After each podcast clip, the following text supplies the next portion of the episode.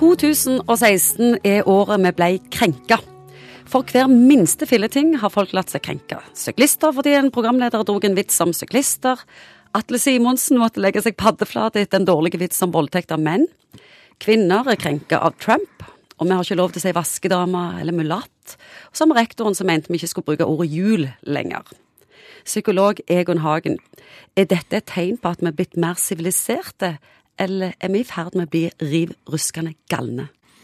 Ja, vi har en, en samtid som kanskje i mye større grad enn tidligere er transparente. Alt uh, løftes fram. altså Små følelser som tidligere bare ville fordampe opp i verdensrommet og blitt der, de blir liksom løfta fram og inn i media. Og det ene tar det andre. Og plutselig blir disse små psykologiske krumelurene, de der øyeblikkene liksom meisla i stein og presentert gjerne da i media, og andre skal òg uttale seg i forhold til dette. Og dette heter politisk korrekthet? Det er politisk korrekthet, og det blir jo fort sånn eh, psykologisk sett at den der eh, fjøra så blir til x antall høns osv. Og, så og så ruller ting på seg. Og den enorme forskjellen ligger jo i hva en gjør utad, skriver på sosiale medier, kontra all galskapen vi kan si til hverandre. Bare meg og deg, eksempel, ja. før sending. Ja, ja, Hadde folk hørt det? altså, det er helt Der vi er nå, hvordan vil du beskrive det? Nei, men det, folk må ta roe litt ned. for Vær klar over at når du skriver ting, så er det vanvittig mye sterkere enn du sier ting, sånn som du sier. Nå er det liksom ingen bæretillatelse lenger på et tastatur. Alle kan skrive. Og vi må på en måte jobbe litt med disse filtrene våre, tror jeg. Både i forhold til hva vi legger ut, hvordan vi formulerer oss, men òg i forhold til hvor ømme tær skal vi egentlig ha? Ja, Har vi egentlig rett til å bli krenka? Det er så individuelt. Ja, du har rett til å bli krenka hvis du møter ekstremt sterke fordommer eller hatske ytringer og alt dette, så, kan, så, har du selvfølgelig rett til å bli krenka. Hvis noen trør over dine egne grenser Men de er så individuelle.